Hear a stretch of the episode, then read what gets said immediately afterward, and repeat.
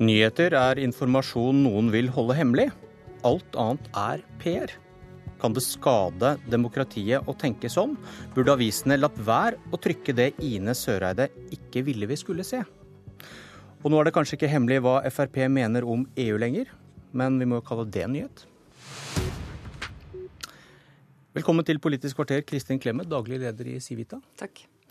Du har reagert på lekkasjene fra regjeringen i det siste. Annet Klassekampen har skrevet om at forsvarsminister Ine Søreide kanskje da mente at Forsvaret hadde behov for mer penger enn det som kom da hun la fram langtidsmeldingen. Og denne type lekkasjer kan skade de demokratiske prosessene, skriver du. Hvorfor altså, jeg det? kritiserer ikke mediene, for at de begår ingen ulovligheter. Men det å lekke slike notater som det her er snakk om, som er regjeringsnotater, det er jo lovbrudd. Og hvorfor er det skadelig? Det er jo ikke noe veldig farlig om det skjer en eller to ganger, men eh, eh, vårt demokrati hviler på at vi har et veldig godt embetsverk. Det er ukorrupt, det er åpent, det er effektivt, det er kompetent og samarbeider like godt og fortrolig med alle regjeringer. Og Det eh, som er bra med embetsverket vårt og forvaltningen vår, det er at vi greier å fatte gode beslutninger i Norge. Og hvorfor greier vi det? Det er fordi vi greier å belyse Vi har en veldig grundig saksbehandling hvor man belyser alle handlingsalternativer, utreder konsekvenser osv., og også av meget kontroversielle standpunkter, før man trekker en konklusjon. Og Hvis eh, det skulle være slik at eh, alt dette lekket ut, at det ble godt lovbrudd blant de som deltar i denne saksbehandlingen, enten embetsverket eller politisk ledelse i et eller annet departement, så vil det bli veldig vanskelig å gjennomføre denne typen saksbehandling, og det vil få konsekvenser. Det som kommer til å skje, er at man kommer til å innskrenke kretsen av mennesker som får delta i saksbehandlingen, hvis man ikke tror man kan stole på alle. Og jeg tror vi vil se mer muntlig saksbehandling i forvaltningen. Eh, og da kan ingen ettergå den. Så jeg mener at er, Hvis det er mye av dette, så er det veldig skadelig for demokratiet vårt. Fordi det vil fattes dårligere beslutninger som er dårligere forankret, og hvor konsekvensene er dårligere belyst. Det skjer ikke etter at ett eller to notater er, er lekket, men det skjer hvis det blir mer, mer, vanlig. Du sier du ikke kritiserer pressen, men du mener vel, at, mener vel ikke at pressen skal trykke ulovligheter? Det tror jeg, ikke det er, jeg tror ikke det er ulovlig, for å si det sånn, med mindre det berører rikets sikkerhet. Så tror jeg ikke det er ulovlig for noen å, å, å, trykke det de har fått tilgang til, men det er ulovlig å lekke det. Men når det gjelder pressen, så er det mer min innvending at eh, jeg ser at det tolkes Altså det, det materialet de forfatter, tolkes veldig ofte feil, etter min oppfatning. Sånn at uh, man ser at uh, noe av det som kommer frem er feil, det er foreldet, det blir tolket feil, det blir omskrevet osv. Sånn at det bidrar egentlig ikke til å opplyse, opplyse, debatten. Jeg vil si at Et godt eksempel er det du nevnte her i sted, hvor du, hvor du liksom, introduserte dette programmet tidligere i morges, nesten kunne etterlate inntrykk av at uh, forsvarsministeren har endret mening fordi man, noen har fått tak i et tidligere regjeringsnotat. Men eh, det er ikke slik at man. Nå må det være lov for en statsråd å endre mening, men det er ikke slik at man nødvendigvis har endret mening selv om man har kjempet for saken sin. Fordi hele budsjettprosessen i staten er sånn at man, en statsråd aldri får så mye som hun eller han ber om i penger. Til gjengjeld kan man si at Finansdepartementet alltid må gi litt. Og dette er selve prosessen, like eller mislike den. Sånn at eh, når hun kommer ut med et resultat eh, i penger til langtidsplanen de neste 20 år, som er ganske likt det forsvarssjefen foreslo, så skyldes det kanskje at hun har kjempet eh, veldig godt og hardt for disse pengene i regjering. Ok, Kjetil Alstaheim, politisk redaktør i Dagens Næringsliv. Hvorfor er det viktig med slike lekkasjer? Dere har også syndet her. Det er jo ikke pressens eh, oppgave å sørge for at politiske myndigheter får, eh, får jobbe i fred. Eh, det, det, som bekymrer meg med, med, denne bloggen og utspillet til Clemet, er, er at hun går så kraftig løs på, på folk som lekker, eller folks, folk, medienes kilder. For det, det vi har sett, mange, har mange eksempler på, er jo at eh, den type eh, Det at kilder kommer med, med, opplysninger, er helt avgjørende for vårt demokrati og for den demokratiske debatten. Um, jeg kan nevne et eksempel som vi kjenner fra i år, nemlig Panama-papirene. Det er jo ikke kjent hvordan den kilden som, som, som ga pressen de dokumentene, fikk tak i opplysningene. Det kan ha vært en, eh, en utro tjener i dette Mossack Fonseca advokatfirmaet i Panama. Eller det kan, ha vært, eh, kan ha vært ulovlig hacking, altså et innbrudd i serverne til Mossack Fonseca. Uh, ulovligheter kan det ha vært. Eh, jeg mener likevel at det var veldig viktig at de opplysningene kom frem, og at eh, denne kilden ga det til mediene, og at mediene eh, omtalte fordi det har belyst et system som det er ikke nødvendigvis bare er ulovligheter, men et system for bruk av skatteparadiser og skatteplanlegging som, som er politisk uakseptabelt. Og Da kan vel konsekvensen av din argumentasjon Clement, være at Watergate, Snowden, Panama Papers ville aldri sett dagens lys hvis man skulle hørt på deg? Nei, det mener jeg ikke. Fordi jeg er ikke imot at mennesker bruker varslerinstituttet eller lekker uh, ulovligheter og den typen ting som det vises til her.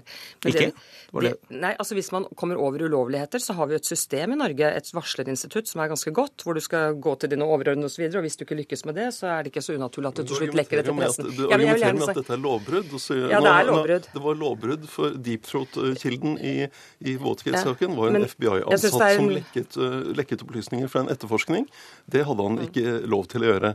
Men hvis jeg, kan svare. Hvis, jeg svare, hvis jeg kan svare, så mener jeg at det er en stor forskjell på dette. Det man lekker her, er helt, en helt legitim og legal saksbehandling i regjeringskvartaler, i regjeringsapparatet. Eh, altså hvis det, hvis det fremkom at det virkelig var begått lovbrudd av regjeringen, og en eller annen hadde oppdaget det i regjeringskvartalet og ikke hadde nådd frem på varslermåten, for å bruke det uttrykket, så ville det jo ikke være noe rart at det ble lekket, og det ville være viktig. Men det vi snakker om her, er at man lekker fra den, en meget omfattende saksbehandling, stykkevis og delt. Eh, og det er noe helt annet. Det er en vanlig brudd på lojalitetsplikt, taushetsplikt. Det kan berøre rikets sikkerhet. Og jeg tror det kommer til å endre måten man arbeider på i regjeringskvartalet på en veldig uheldig måte og føre til en mindre åpen forvaltning. Det er vel en forskjell på Watergate og det dere og Klassekampen har skrevet om Ine Søreide? Absolutt. Og, og jeg syns jo det vi har sett i, i, denne saken, er jo bare at vi har fått en, en, eh, mer aktiv, mer engasjert og god debatt om Forsvarets eh, langtidsplan. Og det er kjempeviktig. Det er en stor sak. Uh, Eh, for, i norsk politikk. Det er viktig at det er åpenhet og diskusjon om det.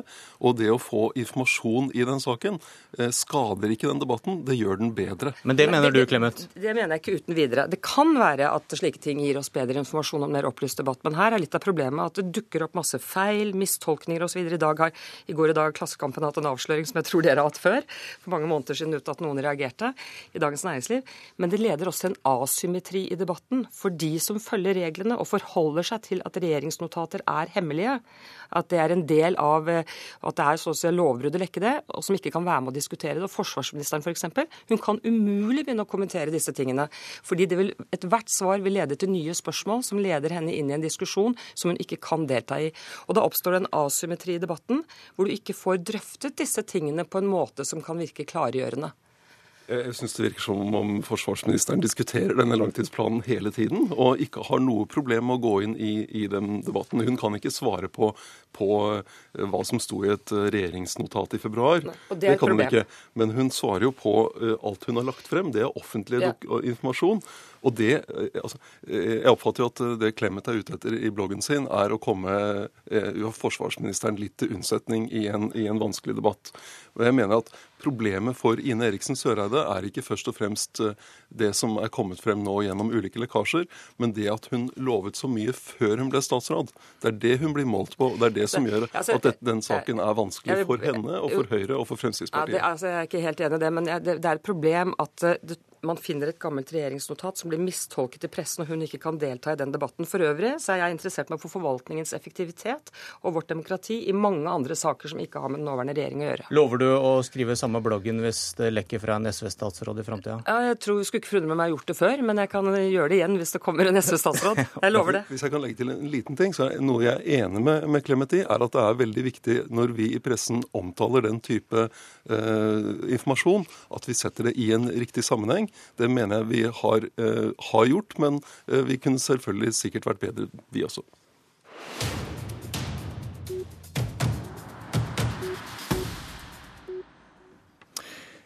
Fremskrittspartiet sier nei til EU og nei til kontantstøtte hvis programkomiteen med Per Sandberg i spissen får det som den vil.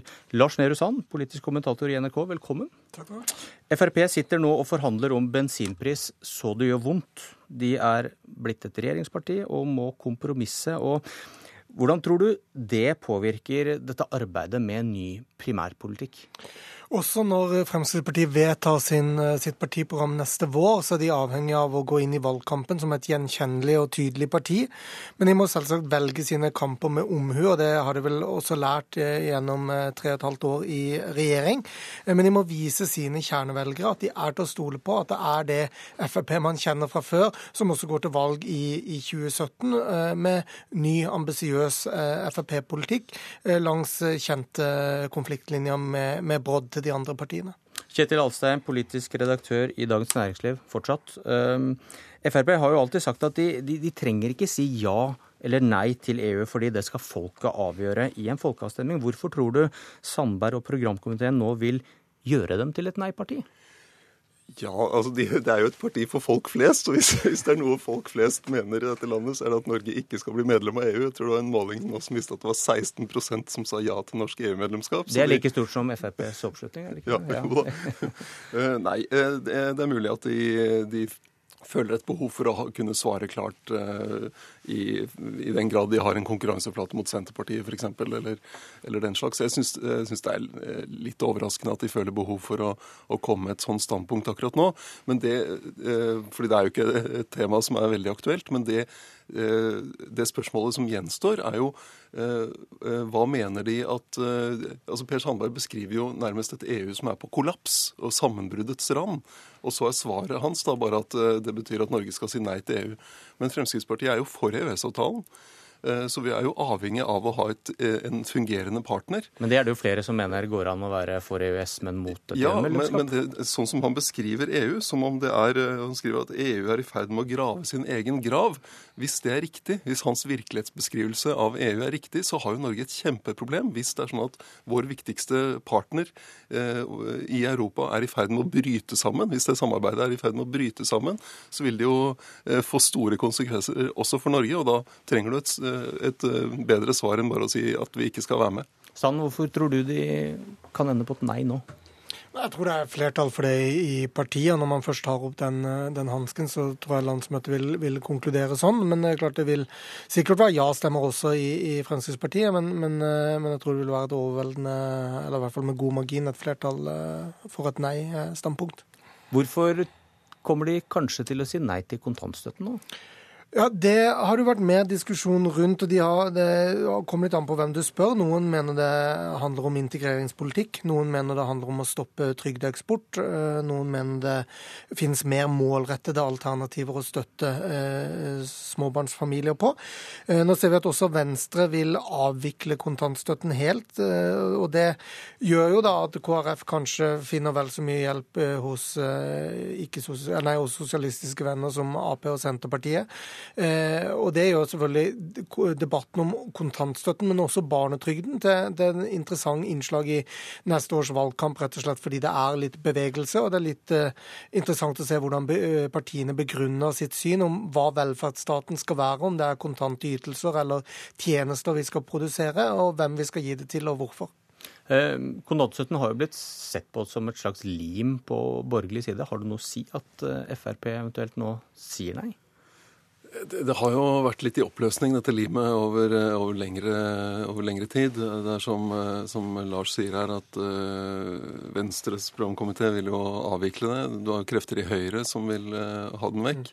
Uh, og du har hatt denne diskusjonen i Fremskrittspartiet knyttet til, til integrering og til trygdeeksport som gjør at det er, det er Kristelig Folkeparti og, og, Senterpartiet som er de som, som, står igjen som kontantstøttens eh, nærmeste venner.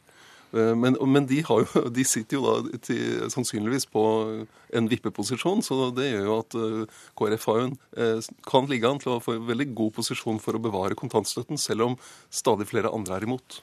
Takk Kjetil Alstaheim for analysen. og vår egen Lars Nehru Sand. Politisk kvarter er tilbake i morgen. Jeg heter Bjørn Myklebust.